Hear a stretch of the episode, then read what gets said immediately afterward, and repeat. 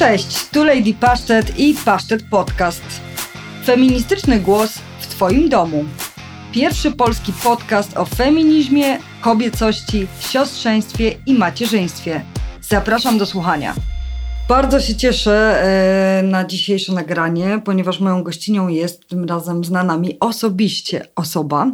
E, jest to Małgorzata Żewuska, e, która jest pracującą na etacie, matką dwóch córek, w tym jednej niepełnosprawnej Heli. A to okazało się być bardzo dużym wyzwaniem, z którym nie zawsze sobie radzi, jak sama przyznaje w swoich kanałach social mediowych. Próbuje jednak pogodzić potrzeby dzieci z pracą i ze swoimi potrzebami, jak twierdzi, z różnym skutkiem. Jakiś czas temu odkryła, że pomaga jej dzielenie się w sieci trudnymi realiami życia ze starszą córką. Nie usłyszycie od niej, że to wielki dar, a ona stała się lepszym człowiekiem. Gdyby nie pracowała, zostałaby wolontariuszką i próbowała robić jakieś dobro. Przed Wami Małgorzata i. E, no i cóż, i myślę, że sobie taka dosyć trudna rozmowa. Cześć. E, no tak, tak. Myśl, myślę, że tak, chociaż no może gdzieś tam jakaś iskierka optymizmu się pojawi. No. Zobaczymy. No mam nadzieję. Bardzo się cieszę, Gosiu, że się zgodziłaś porozmawiać. To nie jest jakby twoje takie pierwsze doświadczenie.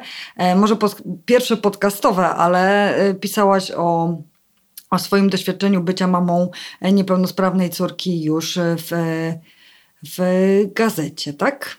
Co to była za gazeta? Opowiesz nam? Tak, pisałam dwa razy w, do Madermaga. Raz było w, w, Pierwsza rzecz to był chyba wywiad, który ukazał się tylko online, a druga Aha. rzecz y, taki krótki felieton do, do wydania papierowego.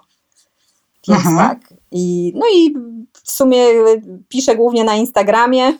Mm, doświadczeń właśnie gadanych nie miałam, ponieważ do tej pory nie odważyłam się, żeby mówić na stories, więc więc mówienie jest dla mnie czymś nowym. No to super, to taki twój przełomowy pierwszy głos. Tak, zdecydowanie. Przypominam sobie, że chyba kiedy się poznałyśmy, a było to już jakiś czas temu, to obie jeszcze wtedy nie byłyśmy mamami, czy się mylę? E, ja już byłam. Ty już byłaś. Jak ja byłam e, na. Brałam udział w akademii, to Hela miała jakoś chyba ze trzy lata, tak mi się wydaje. No, tak, tak. O kurczę, no to rzeczywiście już byłaś bardziej zaawansowana niż ja teraz jestem. Tak, no tak, myślę, że tak. Wydaje mi się, że to był 2013 albo 2014, no jakoś tak. No, to mówię, było już jakiś czas temu.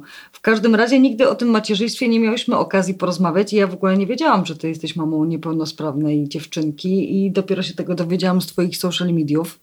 E, I to tak jakiś taki był dla mnie szok, bo to była pierwsza taka znana mi osoba, która rzeczywiście o tym mówi głośno.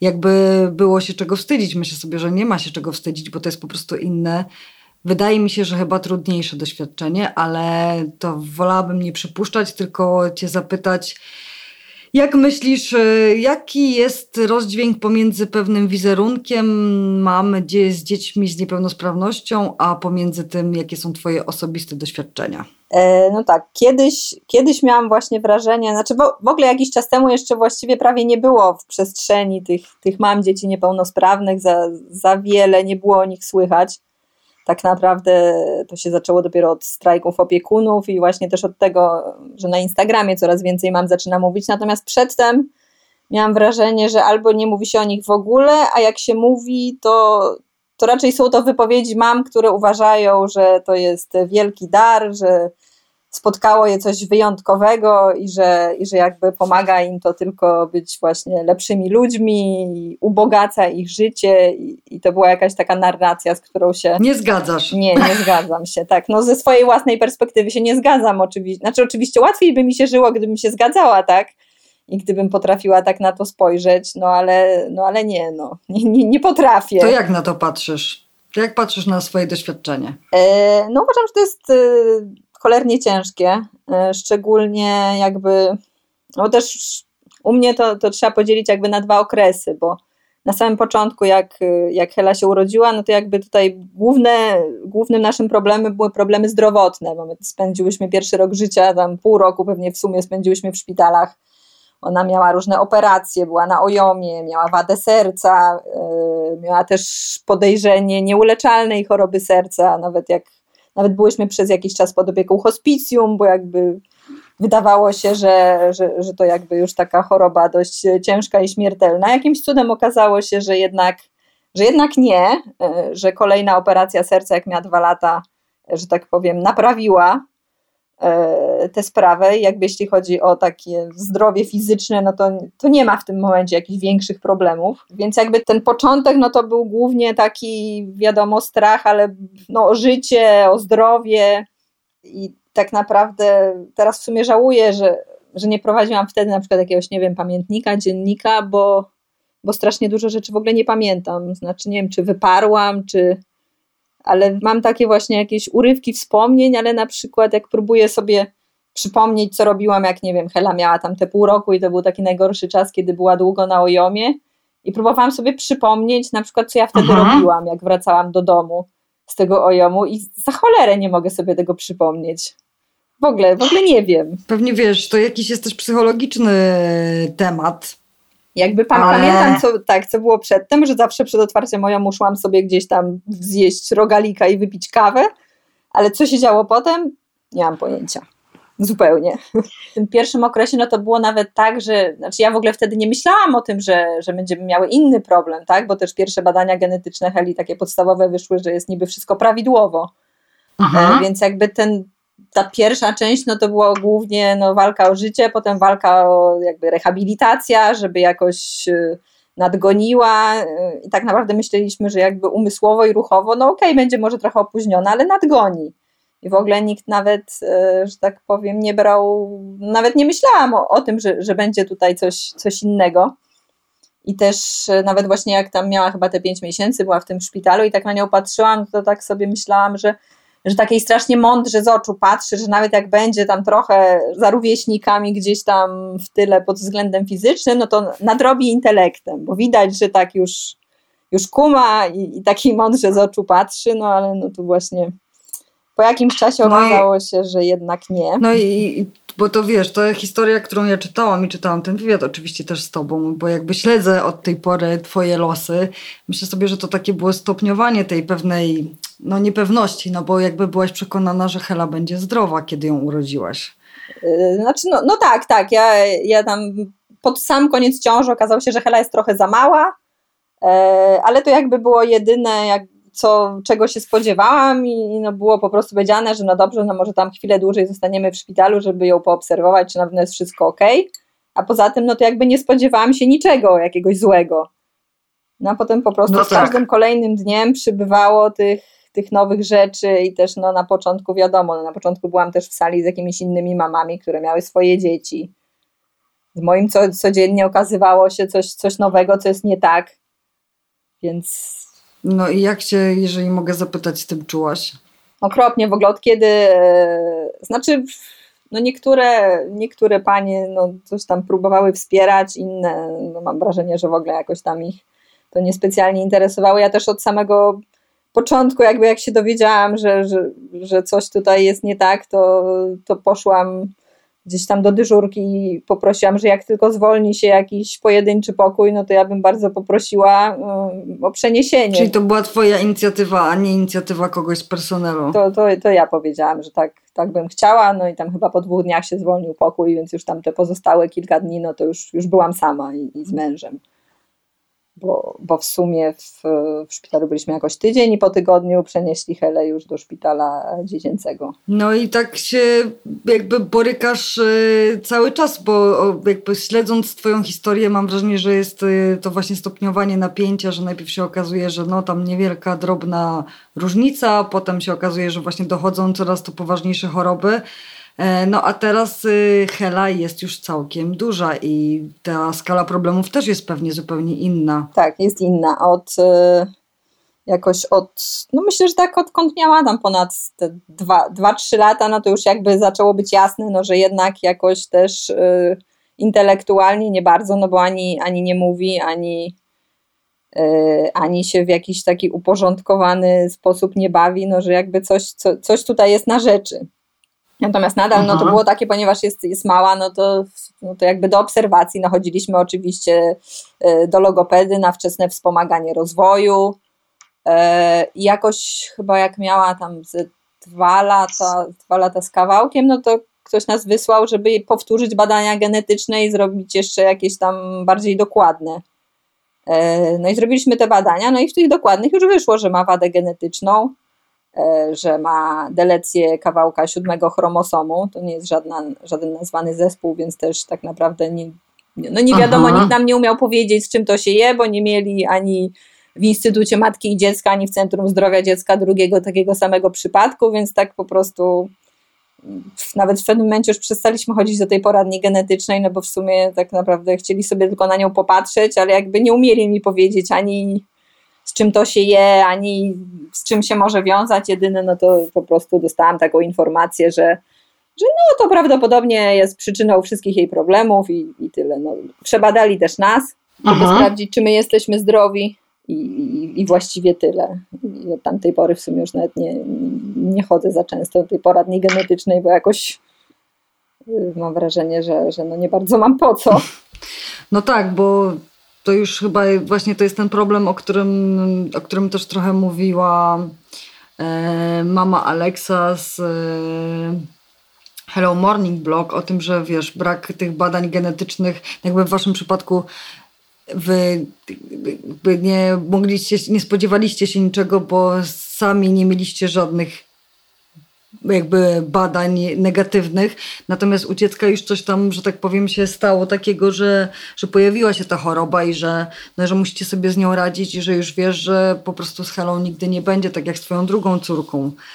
I tak zastanawiam się, kiedy tak o tym opowiadasz, czy czy nie masz czasem takich myśli, że to źle tak mówić o własnym dziecku? Bo tak sobie myślę, że to jest takie częste pytanie chyba mam z niepełnosprawnością i w ogóle wiesz, że jakby wiesz, że twoje dziecko już będzie zawsze inne i że zawsze będzie odstawać, że to musi być bardzo ciężkie doświadczenie i że imponuje mi sposób, w jaki to tam umiesz oswoić. Albo tak mi się wydaje, może zgaduję bardziej niż, niż wiem. E, znaczy, o, oczywiście, że jest, mi, że jest mi gdzieś tam źle głupio, oczywiście, że chciałabym jakby mówić o niej tylko, że jest cudowna i że, i że wszystko jest e, wspaniale, mimo że jest trudno, to po prostu, nie wiem, jeden jej uśmiech wynagradza i że jakoś tam sobie poradzimy.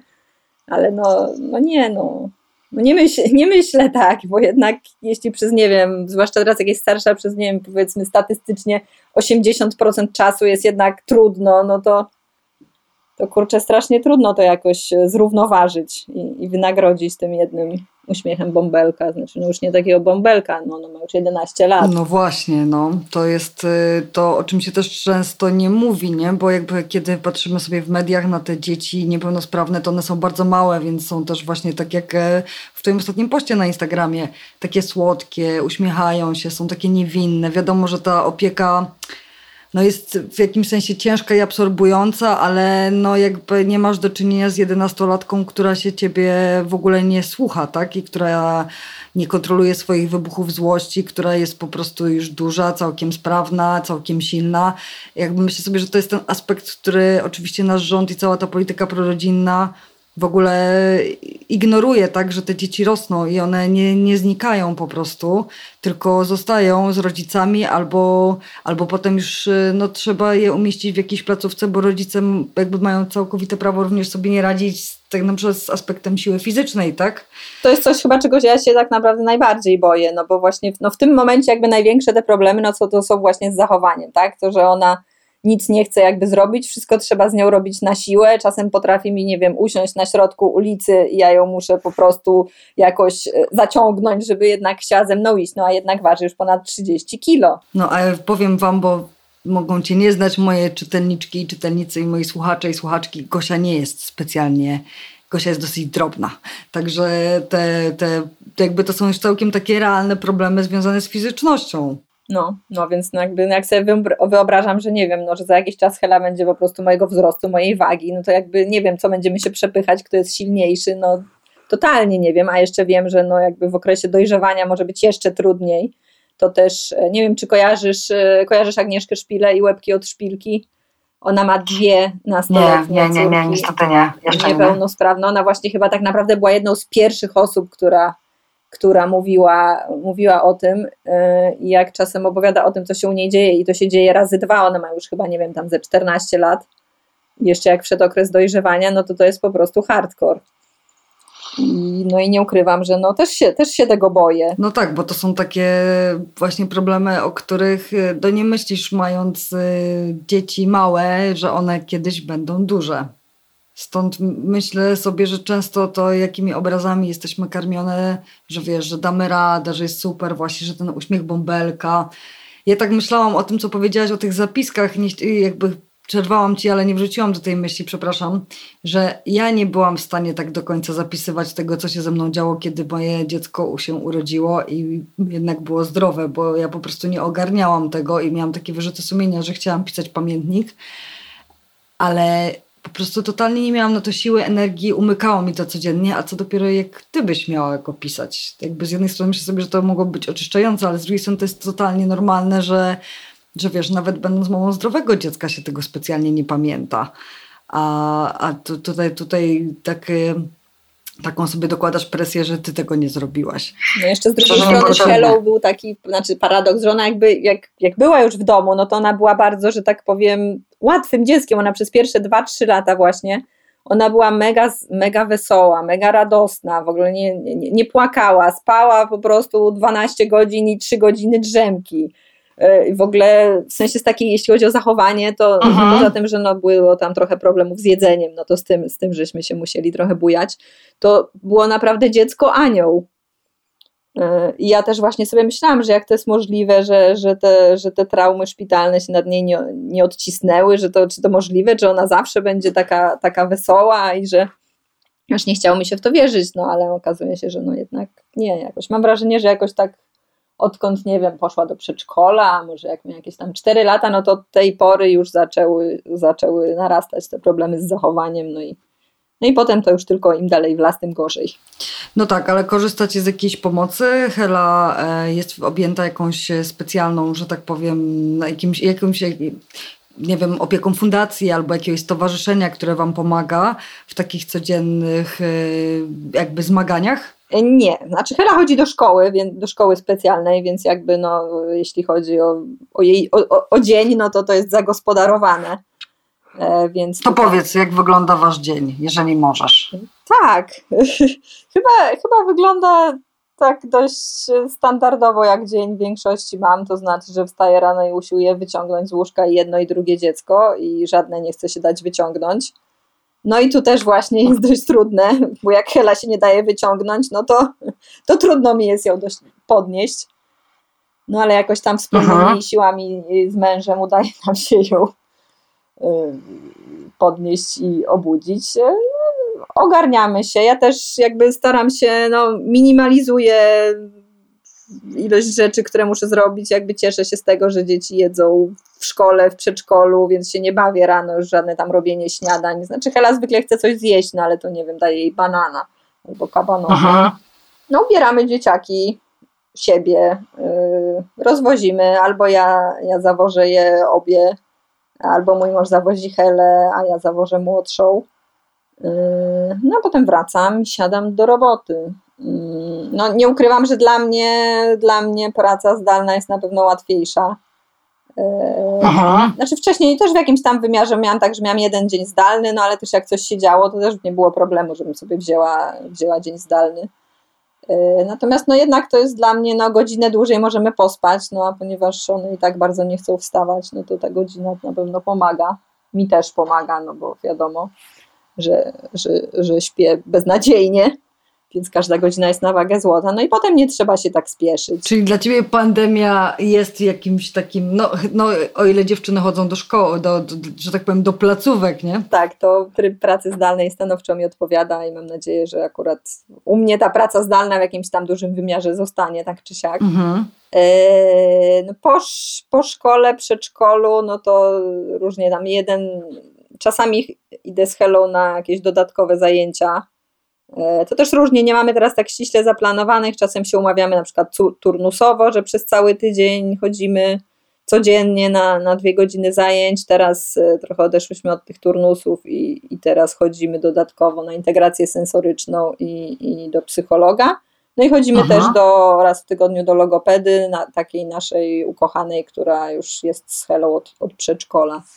W weekendy Hela chodzi na konie. Okej. Okay. Czyli ma swoje zainteresowania, lubi coś. Widać było, że, że jakby polubiła to, chociaż też to jak to u Heli jest, że często jest też tak, że jak ona coś lubi, to i tak przed wyjściem jest awantura, że nie chce. I tak jest właściwie ze wszystkim, e, że Hela coś chce, a potem się złości, że nie chce.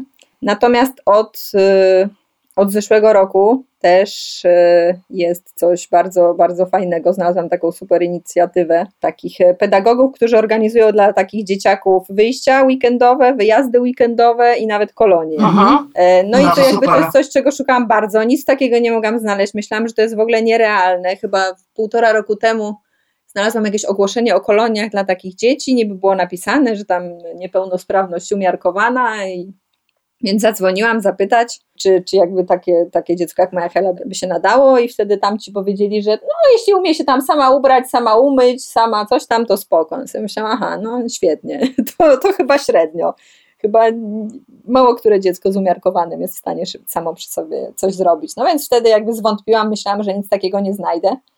No aż trafiłam na tych ludzi, też jakimś cudem po prostu przez e, internet, przez jakiegoś, na jakimś live'ie zobaczyłam tę panią u kogoś, e, odezwałam się do nich od razu, spotkałyśmy się, no i, no i od tamtej pory Hela raz na jakiś czas właśnie wychodzi z nimi, albo wyjeżdża na cały weekend, no i była na koloniach w lecie, więc to w ogóle To No. też śledziłam. no na pewno jakby wydarzenie. jakość, jakość życia od tego, od czasu jakich znalazłam się, się poprawiła zdecydowanie. Bo przynajmniej raz na jakiś czas mam weekend wolny od Heli, a to jest naprawdę dużo. No masz wtedy więcej czasu też, żeby się zająć swoją młodszą I córką. też, I też Hela jest tam, o ile właśnie w domu jest cały czas taka poddenerwowana, yy, cały czas nic jej nie pasuje, to jak wraca z tych wyjazdów, to jest naprawdę taka szczęśliwa. To są te rzadkie momenty, kiedy widzę przez chwilę, że jest szczęśliwa. Yy, Bo też Hela jest strasznie towarzyska, ona potrzebuje mieć e, bardzo dużo ludzi, ona jej się, mimo że jakby nie, nie mówi wiele z sensem, to gada przez cały czas. Wszystkich zaczepia, więc jakby im więcej jest ludzi wokół, których ona tam może zaczepiać, to tym lepiej. Więc jak ma właśnie taki weekend, kiedy jest tam z ilomaś osobami na wyjeździe i może sobie podejść do tego, do tamtego, zrobić coś tam, to, to jest dla niej naprawdę super. I ona też dużo lepiej e, działa z ludźmi, w sensie jeśli chodzi o jakieś tam rzeczy edukacyjne, tak? Z nami ona się nie chce niczego uczyć, nie daje się zaangażować w żadną jakoś bardziej, nie wiem, sensowną zabawę, natomiast e, jakby bardziej obcy ludzie są czasem w stanie ją do tego namówić. Zakładam, że jest tak z większością chyba dzieci, że z rodzicami to jednak nie bardzo. Tak, dużo rodziców mówi, że, że tak, więc e, to naprawdę to był taki game changer i naprawdę zmieniło sporo. Natomiast no to też trzeba zaznaczyć, że no to jest wszystko, to nie jest nic z fundacji, tak, my po prostu za to płacimy. No więc o ten aspekt też się chciałam Ciebie zapytać, że, że jakby to wszystko jest e, no, nie za darmo i nie na NFZ, jak to mówią ładnie, tylko że to, to i tak się naszukałaś, żeby znaleźć kogoś, kto w ogóle organizuje taką formę wypoczynku i takie wyjazdy. A druga rzecz, że to niestety nie jest bezkosztowe. Nie jest bezkosztowe. I że to wymaga w takim razie takiego zaplecza finansowego, o którym już pewnie część osób mających dzieci też z niepełnosprawnością, jakby trudno sobie to w ogóle bez wsparcia jakiejś fundacji czy stowarzyszenia to wyobrazić, żeby dzieci brały w tym udział. Zwłaszcza jak się jest na świadczeniu i nie, wiem, nie, nie można dorobić. Tak. No tak, tak, to te przepisy to już w ogóle. No i też wiadomo, no mieszkamy w Warszawie, więc to też dużo rzeczy ułatwia. No tak, a z jednej strony, a z drugiej strony mówisz, że zanim znalazłaś taką fundację, takie, takie w ogóle przedsięwzięcie, to trochę minęło. specjalnie się nie jakoś tam nie, nie ogłaszają, bo tam też mają jakąś tam grupę tych swoich dzieciaków znajomych, więc to też w dużej mierze idzie pewnie pocztą pantoflową, ale nieskończone ilości dzieci nie są na, w stanie na te wyjazdy zabrać, no ale no my się, udało nam się załapać i, i jestem z tego powodu bardzo szczęśliwa. No dobrze, a powiedz jak ty dbasz o siebie w takim razie, bo dbasz o Helę, dbasz o swoją młodszą córkę i, e, i opowiadasz o tym bardzo dużo, no ale czy udaje ci się zadbać o siebie, czy, czy widzisz u siebie też jakąś potrzebę rozmowy z psychologiem albo robienia jakichś rzeczy zupełnie niezwiązanych z dziećmi, tak żeby móc też mentalnie odpocząć? Tak, za, zawsze w pierwszym momencie tak, jak to mam ochotę powie- powiedzieć, srak, bo tak trudno jest, ale nie, no, to, no coś próbuję. Możesz tak odpowiedzieć. Nie, no, na, znaczy to jest w ogóle dla mnie, zawsze to było dla mnie strasznie ważne. Ja, ja lubię w ogóle spędzać czas sama ze sobą i bardzo tego potrzebuję. I o ile jak mhm. Hela była mała, to miałam całkiem sporo tego czasu, no bo ona właśnie i wcześniej chodziła spać, nie budziła się w nocy, miała długie, długie drzemki w środku dnia. No to tutaj jak się już pojawiła młodsza córka, no to się to trochę skomplikowało. Wygląda to tak, no, że od paru lat y, jakby nie śpię za bardzo. Też y, Hela po jakimś gdzieś tam, jak przez 6 lat swojego życia spała super, to po szóstym roku y, zaczęła wstawać i też ze, ze cztery razy w nocy potrafi wstać. Młodsza teraz budzi się tam, nie wiem, z raz czy ze dwa, więc czasem idę do niej spać. Natomiast dopóki karmiłam młodszą, no to tych pobudek to było chyba z 10 w nocy. To jest już deprywacja sensoryczna totalna. No, szczególnie, że młoda chodzi, nie chce zasypiać wcześniej i zasypia tak gdzieś 22, czasem między 22 a 23, więc no, tego czasu jest naprawdę niewiele. No jedyne, co, czego jakoś tam pilnuję, no to staram się wieczorem przynajmniej przez chwilę poczytać książkę albo, nie wiem, posiedzieć w wannie. Yy, no staram się, staram się tam czasem wrzucić, nie wiem, 15 minut jogi, bo zawsze to lepsze niż nic. Czasami biegam, chociaż teraz już dawno nie byłam, bo a to, a to ślisko, a to mokro, a to smog. Ale, ale jest wiosna, zacznę znowu. No trzymam kciuki. No, no i co, co najważniejsze, no to co jakiś czas jednak y, staram się wyjechać bez y, dzieci albo z jednym dzieckiem. To wtedy na pewno jest bardziej ogarnialne. Yy, tak. Yy, więc jakby w, w lecie z Anielą jeżdżę na tydzień takiego turnusu, retreatu z jogą dla mam z dziećmi. Mhm. I w, w tym roku też, też planujemy pojechać i też zwykle z raz albo z dwa razy w roku no jadę na taki weekend zupełnie bez dzieci. No i też to, co warto powiedzieć, że jakby pomoc rodziny jest też y, nieoceniona. To też od, od momentu, kiedy Hela była właśnie mała, była w szpitalach, to dzięki temu, że mam rodzinę, że mam rodzinę w Warszawie y, i to tam naprawdę w szpitalu wszyscy się przy niej zmieniali. Nie było tak, że ja przez miesiąc musiałam tam koczować w szpitalu, tylko wszyscy mieliśmy dyżury i jakoś, y, jakoś dawało się to ogarniać a właśnie spotykałam tam mamy, które były z innego miasta, tak, na przykład dwa miesiące bite siedziały w tym szpitalu, nawet nie bardzo mogły wyjść do sklepu. No tak, to jest po prostu jeszcze brak tej, brak tych po prostu realnych możliwości, żeby cokolwiek tutaj jakby to taka sytuacja jest patowa, bez wyjścia totalnie, nie? To to by trudno cokolwiek powiedzieć, bo tak może rzeczywiście być, że lądujesz, nie wiem, na drugim końcu Polski i jesteś sama i, i, nic więcej nie możesz tutaj zrobić. No, a jeszcze warunki wtedy w szpitalu, bo to jeszcze było niestety przed wybudowaniem naszego nowego szpitala. To było dramatyczne. Tam spędziłyśmy w szpitalu całe takie bardzo ciepłe lato, w takim pokoju bardzo wąskim, na pięcioro dzieci, pięcioro mam. Naprawdę hardcore, z jedną tam łazienką wspólną. No, no nie, nie, nie było za ciekawie. Nie było za ciekawie, yy, więc jak sobie myślę, że miałabym tam mieszkać przez na przykład dwa miesiące bez możliwości, nie wiem, pójścia do domu, mycia się i nie wiem, zdrzemnięcia, no to, to naprawdę masakra. No właśnie, to wtedy się pojawia pytanie, skąd tam brać siłę na to wszystko, bo to rzeczywiście takie przeczołgujące totalnie doświadczenia. Rodzina jakby jest y, niezbędna, bardzo nam, nam pomaga, pomagała i zarówno i teś, moi rodzice, i teściowa. Eee, moi rodzice też jakby już oboje są na emeryturze, więc, więc oni też pomagają mi częściej, chociaż też no właśnie im Hela jest starsza, no to tym trudniej im sobie też z nią radzić. No i też w czasie pandemii, no to się raczej staramy nie widywać, a przynajmniej staram się, żeby oni się nie widywali z dziećmi. E, no więc odliczam czas do szczepienia. Mają niby termin, no mam nadzieję, że się to nie wysypie, ale no, no w marcu się musiałam wziąć zwolnienie, no i siedziałam z nimi dwiema przez chyba dwa miesiące. No bo no nie da się z nimi pracować, a już jak są dwie, no to nie ma opcji. A jak się dogadują między sobą siostry?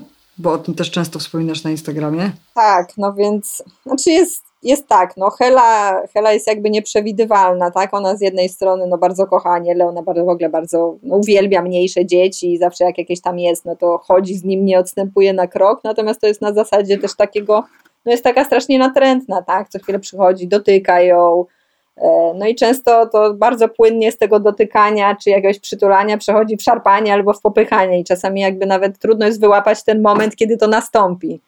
Więc trzeba, trzeba zawsze pilnować bardzo. Natomiast no, Aniela widać, że, znaczy z jednej strony widać, że jakby kocha Helę, bo czasem też tak jakby, no nie wiem, na przykład ją broni.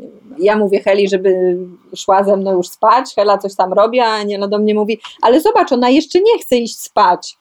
Więc, więc czasami też jest jej adwokatką, no ale też widać, że się no jakby frustruje i irytuje, jak ta Hela cały czas, tak, nie, nie chce jej dawać spokoju, tak, no bo Aniela potrafi się bawić sama, jak chce siedzieć w spokoju i bawić się sama, a Hela cały czas podchodzi i próbuje jej wyrywać jakieś zabawki, bo też no, nie potrafi się bawić w taki przemyślany sposób i właśnie wszystko jej wyrywa i, no i tak jakby w, no, w taki raczej bardziej złośliwy sposób próbuje się bawić, no więc jakby oczywiście wiadomo, że no, Aniela się trochę irytuje, e, no ale jakby mam poczucie, że się kochają, bo czasem tam przychodzi do niej, przy, przytuli ją, daje jej buzi, natomiast no jakby musi być to wtedy, kiedy ona chce. Jak Hela chce na siłę ją przytulać, albo nie wiem, trzymać za rękę, no to wtedy Aniela się buntuje. Natomiast no jakby póki co jeszcze chyba nie przeszkadza jej to aż tak bardzo, no bo zakładam, że jakby to było takie straszne, to po prostu uciekała i siedziała w swoim pokoju, no a jednak póki co wszystkie wolą siedzieć na kupie. No tak, a jak sobie wyobrażasz właśnie tę przyszłość e,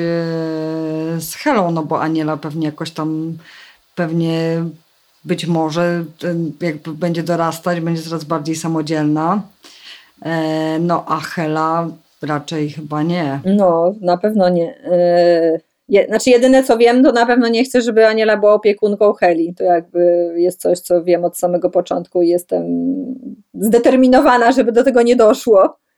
I, i chciałabym, żeby jakby nigdy nie, nie poczuła się tak, że, że właśnie, że urodziłam ją sobie po to, żeby była opiekunką Heli. Więc jakby chciałabym no, trzymać ją jakby jak najbardziej że tak powiem, żeby mogła sobie tam robić swoje.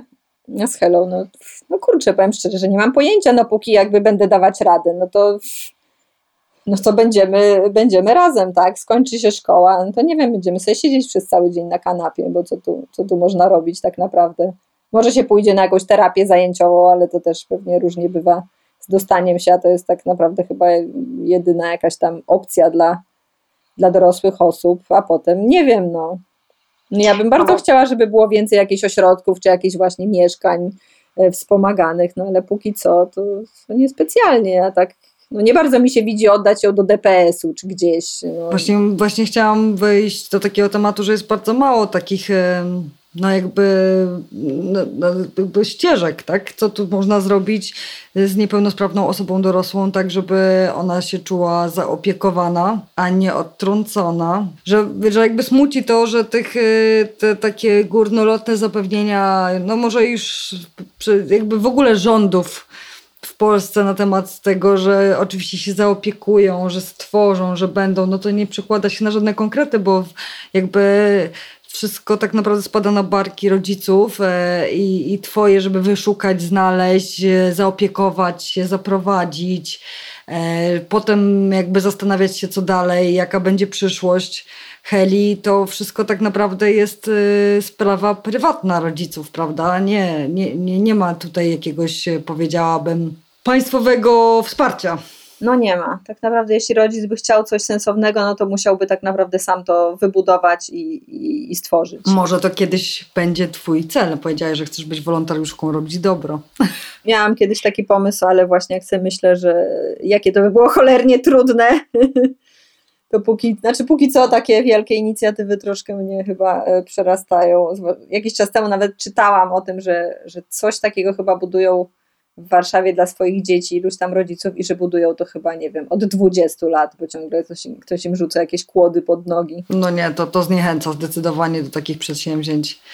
Ale, ale cieszę się, że tak opowiadasz y, o swoim życiu, że wiesz, z jednej strony no to jakby można powiedzieć, że to się tak bardzo nie różni od bycia mamą zdrowych dzieci, że tak powiem, że taka normalność jest też jest też po prostu no, wpisana już w to wasze funkcjonowanie. Natomiast y, myślę sobie, że to się będzie komplikowało właśnie im będzie Hela starsza, że, że to po prostu tych szans będzie, tych ścieżek będzie coraz mniej.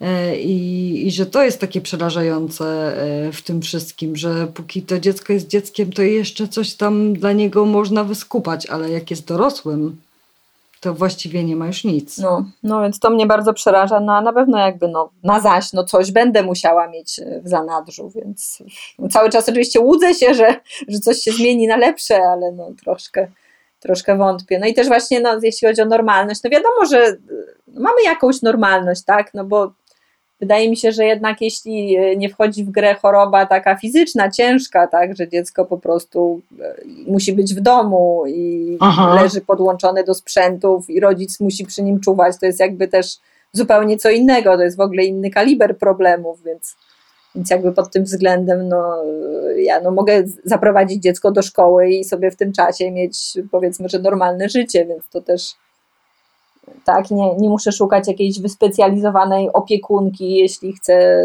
coś zrobić. E, więc no, no, no na pewno jakby pod tym względem jest, y, jest łatwiej. No. No, no u nas właśnie no to zachowanie, tak? No zachowanie jest najgorsze. Zachowanie i te kwestie siłowe. No to trudno mi sobie nawet wyobrazić, e, jakby wiesz, jeszcze, jeszcze Jerzyk jest taki malutki, że Wiadomo, kto jest silniejszy, ale myślę, że to jest taki problem, o którym słyszałam do tej pory. Też tam, wiesz, to, to, ja jestem z małego miasta, więc tutaj to się wszyscy mniej więcej znają, ale że, że w takich tragicznych e, sytuacjach, że po prostu no, rodzice już nie dawali tak fizycznie rady opiekować się no, niepełnosprawnym synem, który no, był cięższy, większy i, i oczywiście spotkała ich z tego powodu jakaś tam ostracyzm społeczny, e, no bo jak tak można, że tak powiem, swoje dziecko oddać gdzieś tam, no ale właściwie jak się zastanowić, to, to nic więcej nie można zrobić, no bo bo to po prostu jest niekontrolowana przemoc i agresja, to jakby nie wynika ze złośliwości, to po prostu jest właśnie ten, to, to jest właśnie ta niepełnosprawność, tak, że, że to jest poza kontrolą i, i że to się może łatwo wymknąć spod kontroli. I myślę sobie, że to wiesz, że, że, super, że taką odwagę w sobie masz, żeby o tym opowiadać, że potrzebujemy więcej takich opowieści, bo, bo, często, bo często dostajemy tylko taką wizję, wiesz, obrazka bardzo uproszczonej rzeczywistości, tak? No albo właśnie z kilkuletnim dzieckiem, tak? Tak jak w komediach romantycznych się kończy opowieść w momencie, w którym się żyli długo i szczęśliwie, no to tak tutaj też często te opowieści się kończą przy jakichś właśnie małych dzieciach. No jak ja bym jakby miała mówić o Heli i jej chorobie w czasie, kiedy miała, nie wiem, dwa latka, no to jakby też moje spojrzenie byłoby inne, tak? Była tak. wtedy wesoła, radosna i uśmiechnięta. A no warto właśnie sprawdzać, co się dzieje dalej. Co, co właściwie, co przynoszą kolejne lata, prawda? To jest dlatego myślę takie cenne, że, że o tym mówisz, bo, bo to już nie jest ta perspektywa właśnie takiego malutkiego dziecka, które no rzeczywiście no, tak specjalnie się na, do pewnego momentu nie różni, tak? Bo no, powiedzmy sobie, że jest uśmiechnięte i tam gaworzy, ale no potem te różnice robią się coraz większe i coraz bardziej odczuwalne dla rodziców i, i dla opiekunów. Więc ta sprawa się po prostu coraz bardziej komplikuje. Więc liczę na to, że, że się będziesz z nami dzieliła takimi swoimi e, opowieściami o tej codzienności z Helą. E, I powiedz, gdzie cię można znaleźć w takim razie, żeby te opowieści poczytać. Podaj adres Instagrama i bloga. Można mnie znaleźć głównie na Instagramie e, gosia.że. E, mam też bloga, ale na blogu piszę rzadziej i jakby mało kto go, go czyta, ale na Instagramie mam też odnośnik. Bardzo bym chciała jakby coś więcej, no ale no, nie ma kiedy, niestety. Daj sobie czas, że tak powiem i, i daj sobie, no nie wiem, jakby to powiedzieć, rozgrzeszenie, no nie musisz wszystkiego robić naraz i na wszystko przyjdzie ten czas nie ma tutaj tego samobiczowania. Myślę, że, że ten podcast to już będzie, już będzie ciekawy przyczynek do dyskusji na temat tego, e, jak no właśnie jak mało różnych opcji zostaje, kiedy, kiedy to dziecko rośnie i kiedy wiesz, z najukochańszej istotki niewinnej i takiej bezbronnej przemienia się czasami w osobę, no, którą trudno jest, z którą trudno jest żyć po prostu. Właśnie, no ja teraz na szczęście jakoś w ramach tej równowagi, no mam tu jeszcze tą drugą e, niewinną, bezbronną istotkę, więc jakoś tam trochę, trochę mi y, osładza życie. Mam nadzieję, że siostry się będą dobrze dogadywać i że ty będziesz zadowolona i będziesz miała dużo czasu na sen życzę Ci tego. Nie, nie wiem, w jaki sposób miałoby się to spełnić, ale no, pomarzyć zawsze warto i podaj adres tego bloga, tak żebyśmy mogli się gdzieś tam na niego jednak, wiesz, jak nikt nie będzie wiedział, gdzie on jest, to nikt go nie znajdzie. Przechowalnia myśli.pl No, bardzo ładnie. Teraz już jest ok. Moją dzisiejszą gościnią była Małgorzata Gosia-Żewuska. Bardzo, bardzo Ci dziękuję i mam nadzieję, że, że pójdzie w świat taki komunikat y, o tym, że to z jednej strony jest takie no, doświadczenie macierzyństwa, ale też, y, też takie nielukrowane i trudne i że zmienia się, zmienia się właśnie wtedy, kiedy nasze dzieci się zmieniają. Także wielkie dzięki za odwagę i dzięki za poświęcony czas. Cieszę się, że nam wreszcie udało się spotkać. Nie było łatwo, ale... Nie było łatwo, nie było łatwo, ale, ale jesteśmy i to jest najważniejsze. Także raz jeszcze wielkie, wielkie dziękuję. Dzięki.